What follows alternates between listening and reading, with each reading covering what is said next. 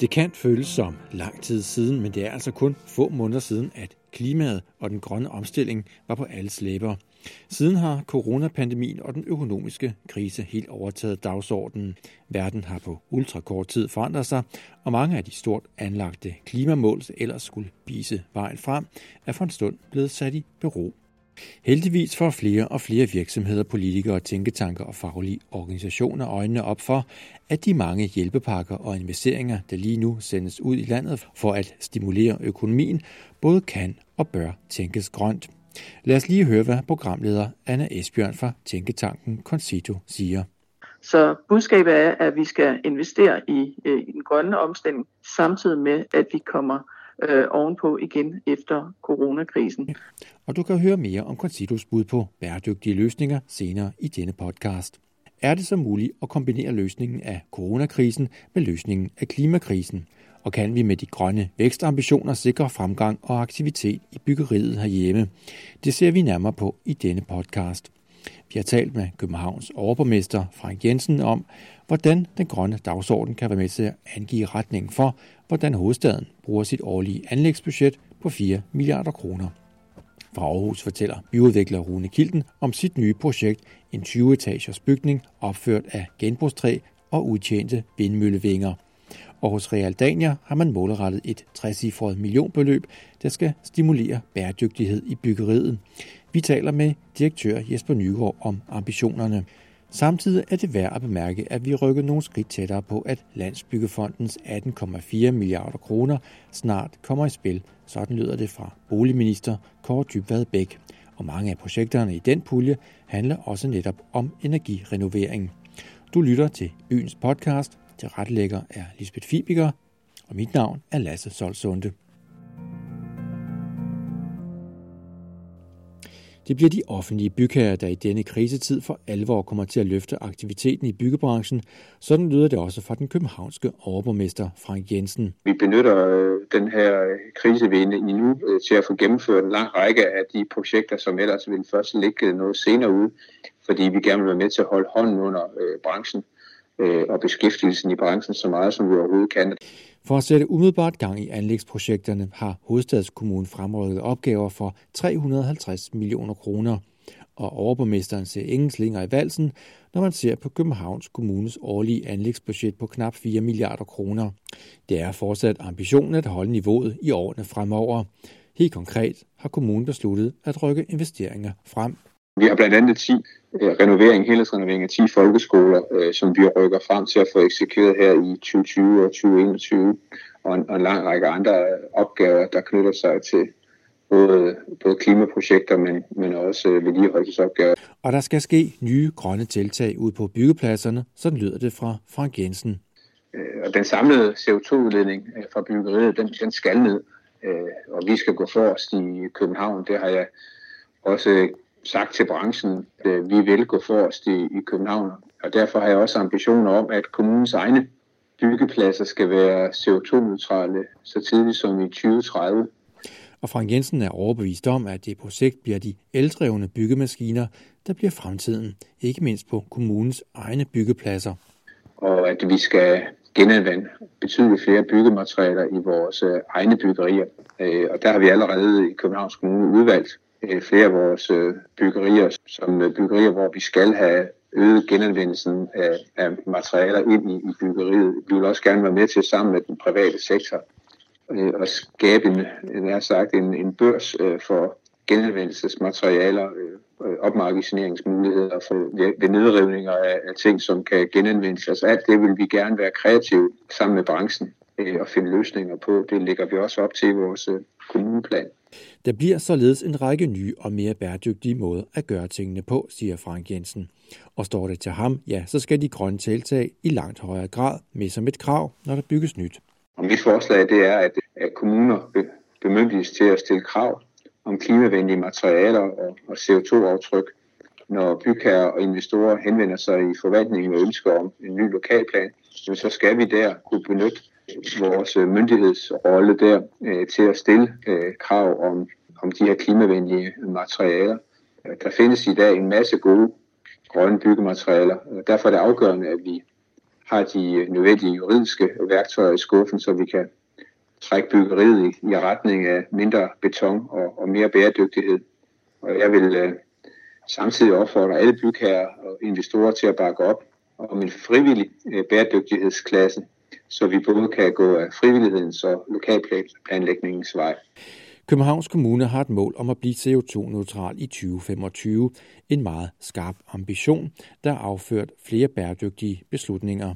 Jeg har virkelig været en driver øh, for at få gennemført rigtig mange store øh, projekter i København på energiforsyningsområdet, der gør, at, øh, at vi nu har fuldstændig udfaset kul øh, til fremstilling af energi i, i København. Øh, det er jo virkelig en vigtig bidrag til, at vi har fået reduceret CO2 fra, fra energiproduktionen. Derfor skal vi sætte et mål om, at den indlejrede CO2 i nybyggeriet skal reduceres med 50 procent øh, frem til 2030 for både det offentlige og det private byggeri.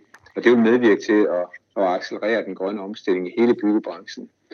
Og netop det at bruge krisen til at sætte sig nye mål er også motivationen for Realdania, der netop har afsat 175 millioner kroner i et forsøg på at afbøde den økonomiske krise. Langt størsteparten af midlerne, ca. 115 millioner kroner, skal gå til at fremme bæredygtighed, sådan lyder det fra administrerende direktør Jesper Nygaard. Det gør vi ud fra en helt grundlæggende filosofi, der baserer sig på FN's tankegang om building back better. Altså, at hvis du har en krise, så skal verden se bedre ud efter krisen end før krisen. Og det ville være helt uudholdeligt om fem år at stå og kigge tilbage på, at vi som samfund havde pumpet milliarder ud til alle mulige former for, og i vores tilfælde, øh, byggeinvesteringer, øh, om vi ikke udnyttede den mulighed, der er for samtidig at fokusere på bæredygtighed, fokusere på klima og fokusere på implementering af verdensmål. Så vi prøver at slå to fluer med et smæk og udnytte det vindue, der er åbent lige nu. Ifølge Jesper Nygaard skal de nye penge fra Realdania især gå til at sætte skub i analysemetoderne, for at det bliver mere oplagt at arbejde bæredygtigt. Det handler især om livscyklusanalyser. Jamen, der er ingen tvivl om, at selvom der er mange penge, så vil der også være pressede budgetter. Og det vi gerne vil prøve, det er, kunne man forestille sig, at vi kan hjælpe en række projekter med at lave øh, LCA-analyser, altså livscyklusanalyser, eller lave bæredygtighedscertificering. Altså at vi får den ekstra dimension med ind i beslutningsprocessen. Alle vil have fokus på, at man skal træffe hurtige beslutninger, fordi det handler om at holde virksomhederne i live og arbejdspladserne øh, i gang fortsat. Men, men i den beslutningsproces, der, der tror jeg, at vi kan hjælpe med, at der kommer den ekstra parameter på, at man, skal, at man skal gøre noget andet, end man automatisk ville have gjort for et år eller to siden. Altså for to måneder siden var vi alle sammen parat til at steppe op på bæredygtighedsdagsordenen. Lige nu er der en risiko for, at vi går et skridt baglæns, fordi øh, der er så mange andre dagsordner, der presser sig på. Realdania kommer ikke med direkte anlægsmidler, men håber at støtte en række projekter, der kan fremme eksemplets magt, siger Jesper Nygaard. Jeg har en meget, meget stærk tro på, at, at folk i virkeligheden er parate, hvis man gør det muligt for dem at træffe de her beslutninger. Øh, og, og på en lang række andre punkter er der i virkeligheden en stor modenhed. Så det handler om, at vi, når vi skal træffe de her beslutninger, hjælper hinanden med ikke at tage den nemme løsning, nemlig at gøre, som, at gøre, som vi plejede at gøre, men at huske at tage den nye dimension med ind. Og det vi kommer med her, er dels nogle penge til at tage nogle konkrete greb, men det er også en, en måde at dele viden om det på, så vi husker det, og vi får de bedste eksempler frem, og at vi deler viden, så alle kan, kan lære af det og genbruge den her viden i andre sager. Jesper Nygaard vurderer, at de midler, som Realdania sætter i spil, kan få betydning for anlægsprojekter til en værdi af ca. 2 milliarder kroner. Hvis vi kan skabe et grundlag for hurtigt at eksperimentere med implementering af den frivillige bæredygtighedsklasse, øh, hvis vi hurtigere kan få skabt flere vidensspor i byggebranchen, så man deler den her viden, så er det mit håb, at det her kan have en meget stor betydning, som også rækker langt ud over vores midler, øh, fordi andre støtter den samme dagsorden, og der er masser af midler i omløb, hvor vi øh, ved at gøre det rigtigt, øh, kan bringe verden i en bedre retning. Realdanias direktør lægger dog vægt på, at det ikke kun handler om for eksempel energirenovering. Bæredygtighed har langt flere parametre. Men det er vigtigt, når vi taler bæredygtighed, så er det bæredygtighed både med det miljømæssige perspektiv, men også med det øh, sociale, det kulturelle og det økonomiske perspektiv. Og det er vigtigt, at den her dagsorden skal gå på to ben, som både handler om velstand og vækst på den ene side, og på den anden side både om bæredygtighed som, som det brede begreb, men også om klimaet specifikt og om implementering af verdensmål. De to ting tror vi kan gå hånd i hånd, og hvis de gør det, så vil det have haft en stor, stor betydning øh, om nogle få år, øh, hvis ringene kan sprede sig. Og hvordan man bygger bæredygtigt, det er noget, man arbejder på højtryk med i Aarhus. Her er byudvikler Rune Kilden ved at opføre et kontorhus i næsten 20 etager, hvor genbrugstræ og udtjente vindmøllevinger udgør en stor del af byggematerialerne. TR3 hedder projektet, som Linear Group er rådgiver på, hvor PFA og BRIK også er med, samt Kilden og Henby, der er Rune Kildens selskab. Vi prøver at lave en form for hybridhus, hvor vi nogle steder bruger beton og nogle steder bruger træ, så vi bruger ind i materialerne der, hvor, hvor de ligesom har deres styrke. Øh, og så prøver vi at se, hvor langt vi kan komme ved at bruge øh, genbrugsmaterialer og har forskellige sådan, idéer om at tage nogle af de ting, vi normalt vil betragte som, som affald, og så prøve at gøre dem til, øh, til, til byggematerialer. Det i så stor stil at bruge genbrugstræ er helt enestående og en udfordring, og det har også givet Rune Kilden nye måder at gå til et projekt på. Øhm, og det er jo selvfølgelig et benspænd, vi, øh, vi giver os selv, men en af, en af de ting, vi godt kunne tænke os i projektet, det var også at være med til at prøve at udvikle nogle nye øh, materialer og måske nogle nye måder at gøre det på, så vi sådan ser hele projektet som en øh, del sådan en, en, en læringsproces øh, for os alle sammen. Og så er der som byggemateriale også anvendt udtjente vindmøllevinger, og det er også noget, som Rune Kilden har skulle reflektere over. Jeg tror, en af de store aha-oplevelser for mig, det er, hvor meget træ vi i virkeligheden brænder af hvert år i Danmark. Hvordan hele det her affaldsflow i virkeligheden er, altså det tror jeg har været en øjenåbner, fordi altså først så begynder vi at tale om, at det er bæredygtigt at bygge i træ og så videre, men, men så hvis vi kunne ligesom bruge noget træ, der ellers skulle være brændt, altså hele den der forståelse af, at et materiale indeholder en mængde CO2, og hvis vi bygger det ind i en ejendom, så holder vi faktisk på den mængde CO2, i stedet for at vi begynder at frigøre den ud i, i, uh, i atmosfæren igen. Det, det, det har været lidt en øjenåbner for mig. Jeg tror, sådan, tror jeg ikke rigtigt, jeg havde forstået verden. Den nye bygning, der kommer til at ligge i Aarhus Sydhavn, får den samme pris som de mere traditionelle bygninger. Og så skal det grønne byggeri række ud til en stigende kreds af virksomheder, der ønsker at brande sig med grønne løsninger. Øh, hvor du vælger at lægge din husleje, vælger du faktisk også at lægge din stemme øh, på et projekt, der, der godt vil skabe en positiv forandring for klimaet det må vi jo se, hvordan, hvordan det går, men jeg kan måle sådan noget her på mig selv og sige, det vil jeg i hvert fald selv være motiveret af. Rune Kilden mener, at når der nu skal bruges nye midler inden for byggeriet, så skal det gå hånd i hånd med innovationen. Selvom der godt kan være en risiko forbundet med at bruge nye byggematerialer, er der måder at omgås det på, siger Rune Kilden og foreslår her. Hvordan? Altså kunne man forestille sig, at man begyndte at tænke i øh, kollektive forsikringsordninger, hvor vi ligesom sagde, nu har vi et nyt byggemateriale, som vi godt vil bygge med, øh, og udvikle nye produkter, men, men ansvaret kan ikke kun ligge på den enkelte bygherre. Vi kunne måske lave et kollektivt forsikringssystem, så, så fællesskabet kunne gå ind og sige, at vi vil godt øh, dele risiko på, øh, på det her produkt, så kunne vi ligesom begynde at, at få en, en, en væsentlig større innovativ udvikling af nye øh, byggematerialer. Øh, og der kunne godt være nogle erhvervssucceser. Byudvikler Rune Kilden indrømmer, at branchen har en indbygget tendens til ikke at tage for mange chancer.